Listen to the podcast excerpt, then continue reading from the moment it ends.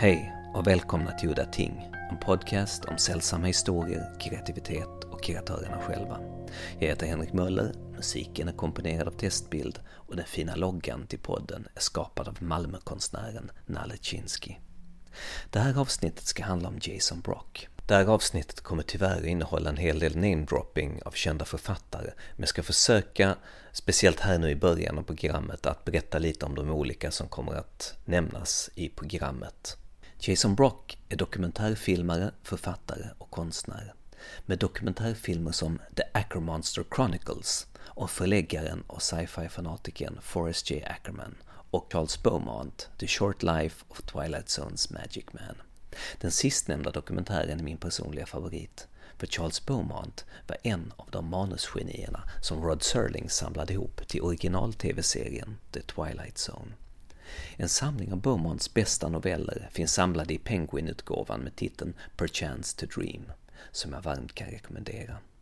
För han har liksom sin samtida kollega Richard Matheson som skrev I am Legend och What Dreams May Come en skrivteknik som är enkel, lättillgänglig och fängslande än idag, mer än 50 år efter de skrevs, vilket är imponerande. Hur som helst, tillbaka till Jason Brock. Jason Brock är framförallt precis som jag intresserad av kreatörer, konstnärer, speciellt inom science fiction och skräck. Han har intervjuat de flesta av legenderna medan de fortfarande levde, till exempel mästaren Ray Bradbury. Han skrev böcker som Fahrenheit 451, The Illustrated Man och Martian Chronicles. Tell me how you met Ray Bradbury.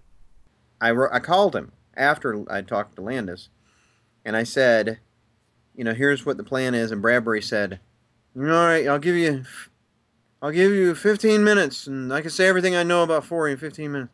And I said, okay, fine. So we planned this big trip to Los Angeles. We go down there. We called. Ray was not having a good day.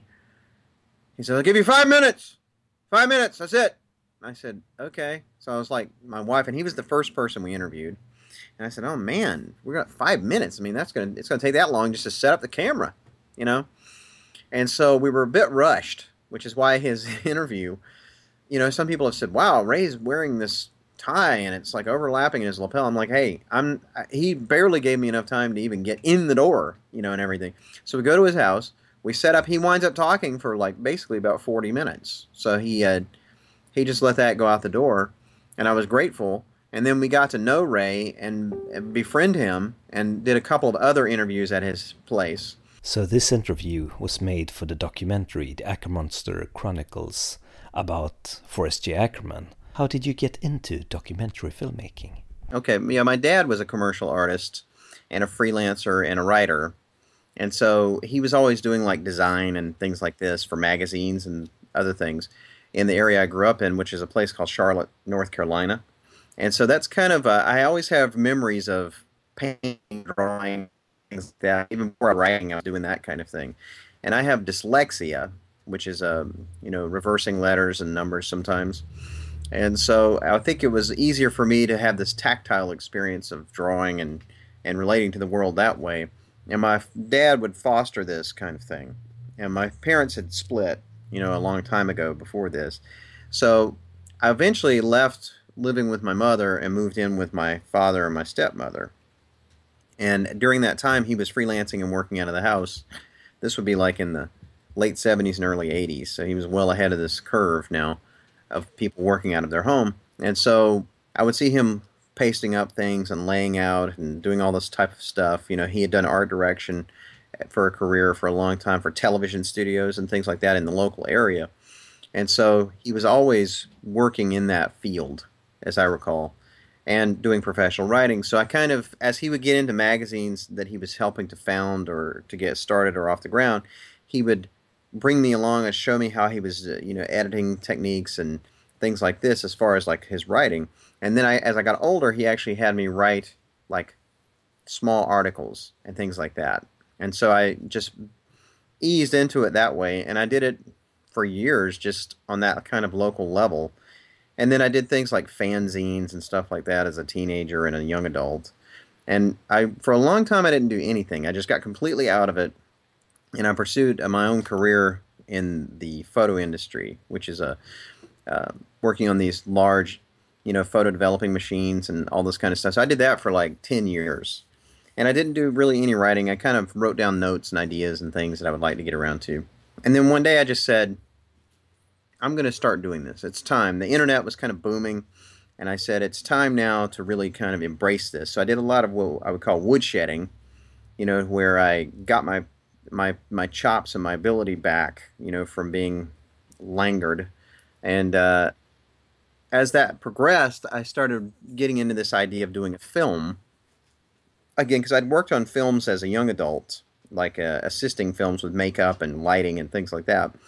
And uh, they were just small independent films. And so I wanted to get back into that. And around this time, it was dovetailing all the digital was happening. And I said, well, what I'm going to do, I think a best way to break into film is maybe do a documentary because uh, there are a couple things I would like to see documentaries on, but I haven't and it, but it requ- and it would make me give me an excuse to buy all the equipment. And I was making a lot of money at the time at the job I had, so I invested in a lot of equipment at one time, like a mind-boggling amount of equipment. And I still have it all, of course, because I thought well ahead, and I went ahead and went full digital, full HD as much as possible at the time. You couldn't even buy a 1080p camera then, so I had to buy 720p, you know, and things that did 1080i and stuff like that because they just didn't have it available yet. So I bought all these equi- this gear and equipment, and then I set about deciding what documentary I wanted to do, and I wanted to do several. One was about Forrest J. Ackerman, which I did. That's the Ackermonster Chronicles that finally did come out.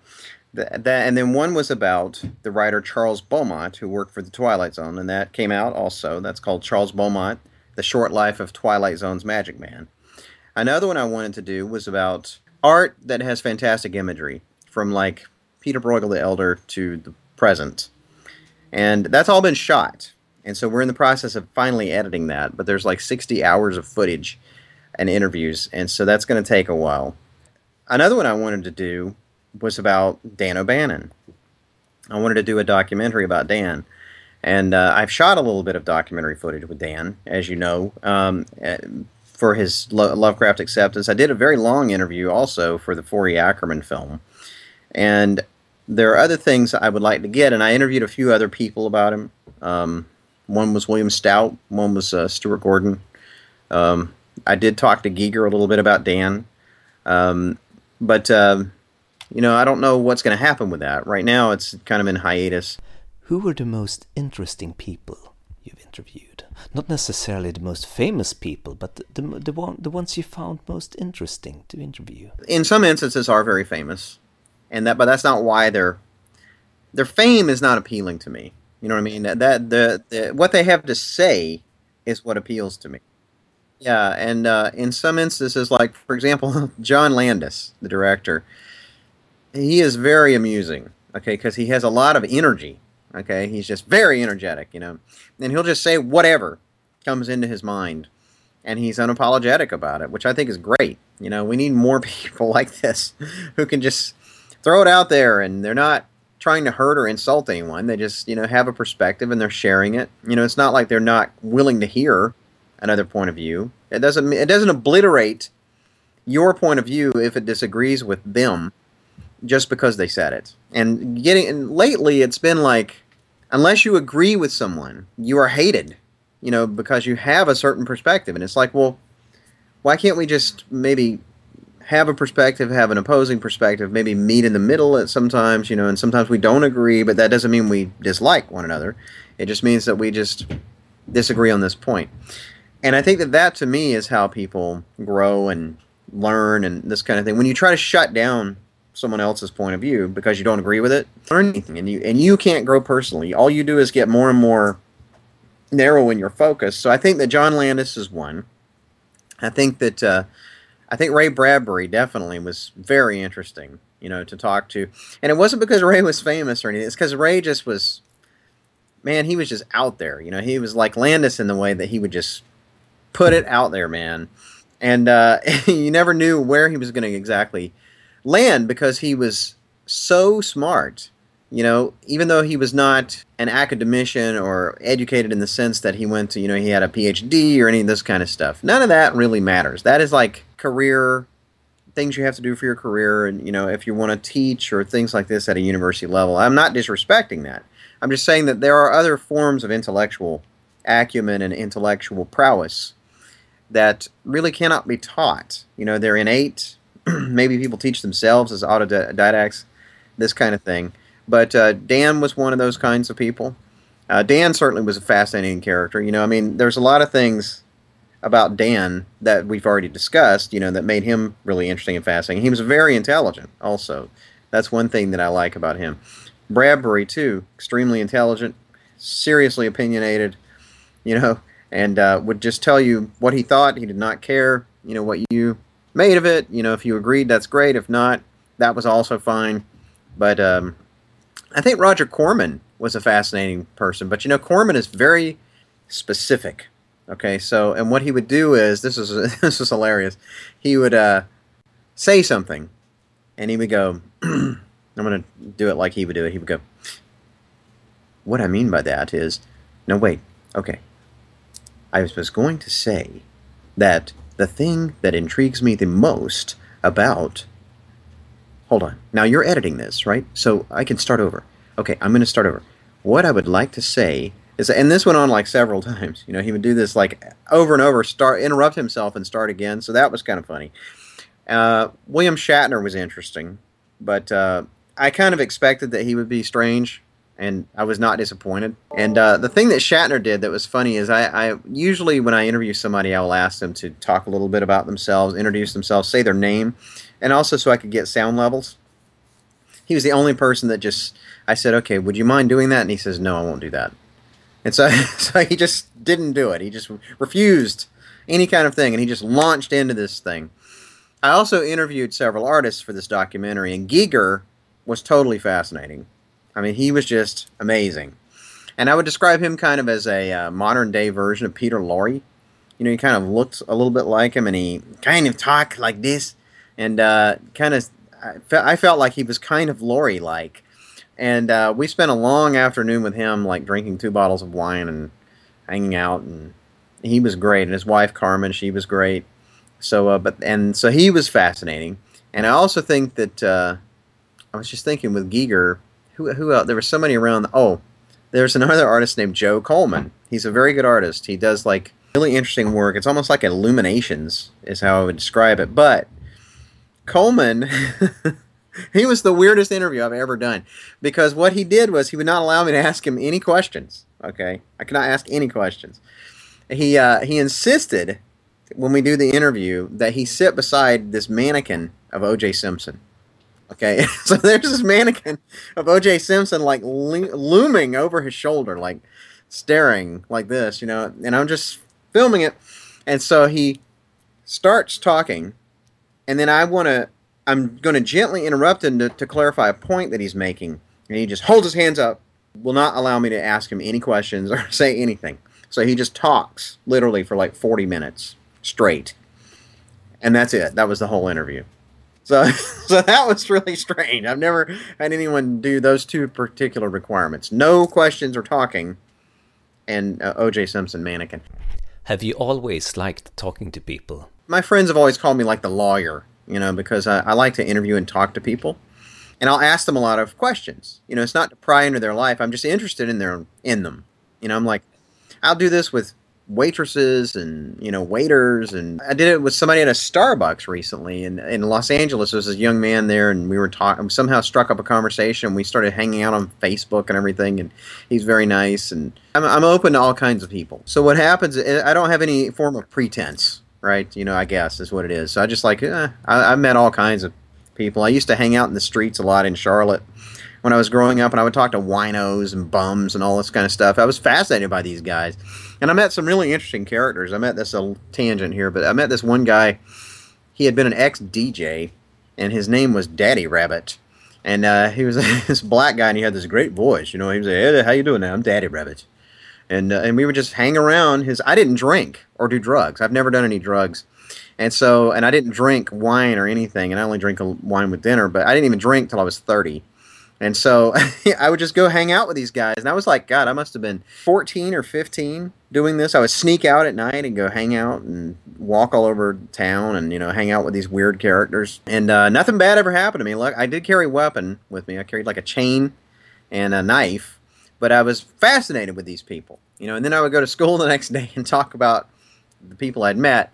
And with, with, that kind of mentality and attitude, I just kind of have always been wanting to talk to people. So the way it came out with Bradbury, I never felt uptight about talking to anybody. I don't care how famous they are. I don't. I don't. That doesn't matter to me. That's that's irrelevant.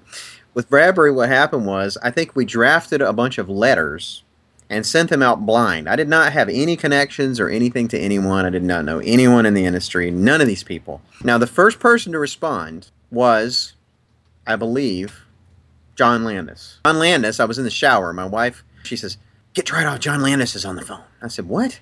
And so I said, Okay, that's weird. So I went and talked to him. He goes, Hey, is this Jason Brock? And I said, Yes. And so he starts talking to me about, So what's this? I got this letter, and, you know, you're to do this documentary about Forry? And I said, I'm planning on it, yes, sir, and you know, blah blah. So I was kind of like taken off guard. I admit that, you know. So I'm talking to him, and I'm like, wow, this is surreal. And uh, so he says, well, who have you got lined up? And I said, well, Ray Bradbury is committed because Bradbury had agreed. Okay, um, in principle, I'd sent him a letter too, and they wrote back and said, yeah, I'd be interested. So I said we were planning to go down there, and he says, all right, when you get more people, call me up and we'll do this. And so I said, okay, fine. Then from Ray, after I had Ray on board, other people wanted to be more involved. You know, they had written and were interested anyway, but then they said, sure, now that Bradbury is involved, we want to be involved too. And so Landis fell in there, and Joe Dante and other people on the way was George Clayton Johnson, who had written for the Twilight Zone, and you know he wrote the first Star Trek that was aired, The Man Trap, and George Clayton Johnson was like, I don't know how to explain him. He's like Gandalf or something, you know, except he talks like this. You know, he's this wizardly person, and um, he was like this big advocate for marijuana use and all this kind of stuff, and he was a vegetarian, and you know, really a, a very interesting kind of hippie wild character. And you know, and we just got to be really good friends with him and he was a great guy and he introduced us to it. He was the one who said, "Would you like to talk to William F. Nolan?" And I said, "Wow, that guy's still alive? I didn't know he was alive anymore. I thought he died." And he says, "No, he's very much alive. He's in Bend, Oregon." And I said, "Oh, well, that's funny because I only live about three hours away from there." He says, "Well, I'll let you have his phone number and you may interview him about Charles Beaumont and Forrest Ackerman. And I said, okay. So we, so we call Bill, and uh, he was the last person like that I interviewed. I called Bill up and I go, yeah, yeah, I'll, I'll, I'll be glad to talk about Charles Beaumont. Yes. And uh, all this kind of stuff. And so we found a good friend with Bill Nolan, and then he wound up moving up near us uh, because he was estranged from his wife and uh, was basically on his own. He doesn't have any children or living relatives. And so he was older then. He was in his 70s when we met him. So We just became good friends. And that's how that whole thing happened. Is I, he was the last person we met. See, everyone always assumes that Bill introduced us to everyone. But so you knew Ray Bradbury for a good 10 years or something like that. And you told me that you went to his house several times. Can you tell me about that? That was a fascinating place because, you know, downstairs was where he did all of his writing, you know, in his later years, especially. It was weird to see all these boxes with like screenplay treatments he had done for like something wicked this way comes or dark carnival or whatever that never got produced so it's all kinds of interesting stuff in there and then we met a lot of friends of his while we were there like donn albright who was a major ray bradbury collector and scholar and uh, we met uh, john king tarpinian who became a good friend of ours who used to be kind of a person that helped ray get around and you know kind of corralled people away from Ray because you know Ray. Every time Ray went somewhere, he was always massively followed around. You told me once you did something really smart when you interviewed all of these writers. I got advice from them all. I always asked them when I had them, "How do you approach story? What do you think of these kinds of things? Who are your influences? What got you started?" So I would always ask them this. It didn't make the inner. It didn't. It was more for my personal edification and had nothing to do with the it was like the last pit, bit i would do and on a couple of occasions i asked some of them if they would mind reading a short piece of mine and they did and so they gave me feedback and criticism sometimes on the spot and sometimes later so i did that with bradbury and George Clayton Johnson and Dan O'Bannon. Uh, I did that with William F. Nolan. Wound up doing a lot with me, and Dan did too, and George Clayton Johnson. And then I had a few other ones. Richard Matheson was one, um, and they all gave me feedback and information and pointers and things like this. So I learned so much from talking to them that it was just amazing. You worked a lot with H.P. Lovecraft biographer S.T. Joshi. Can you tell me how you met him? And so I, may, I meet ST at the H.P. Lovecraft Film Festival. He's running from film to film, and I struck up a conversation with ST. And now we are working on some projects together, you know. And then we became friends along that process because, for some reason, some of these people think that you can't be friends with somebody you work with. But I personally feel it's better to work with your friends because they kind of understand you and where you're coming from.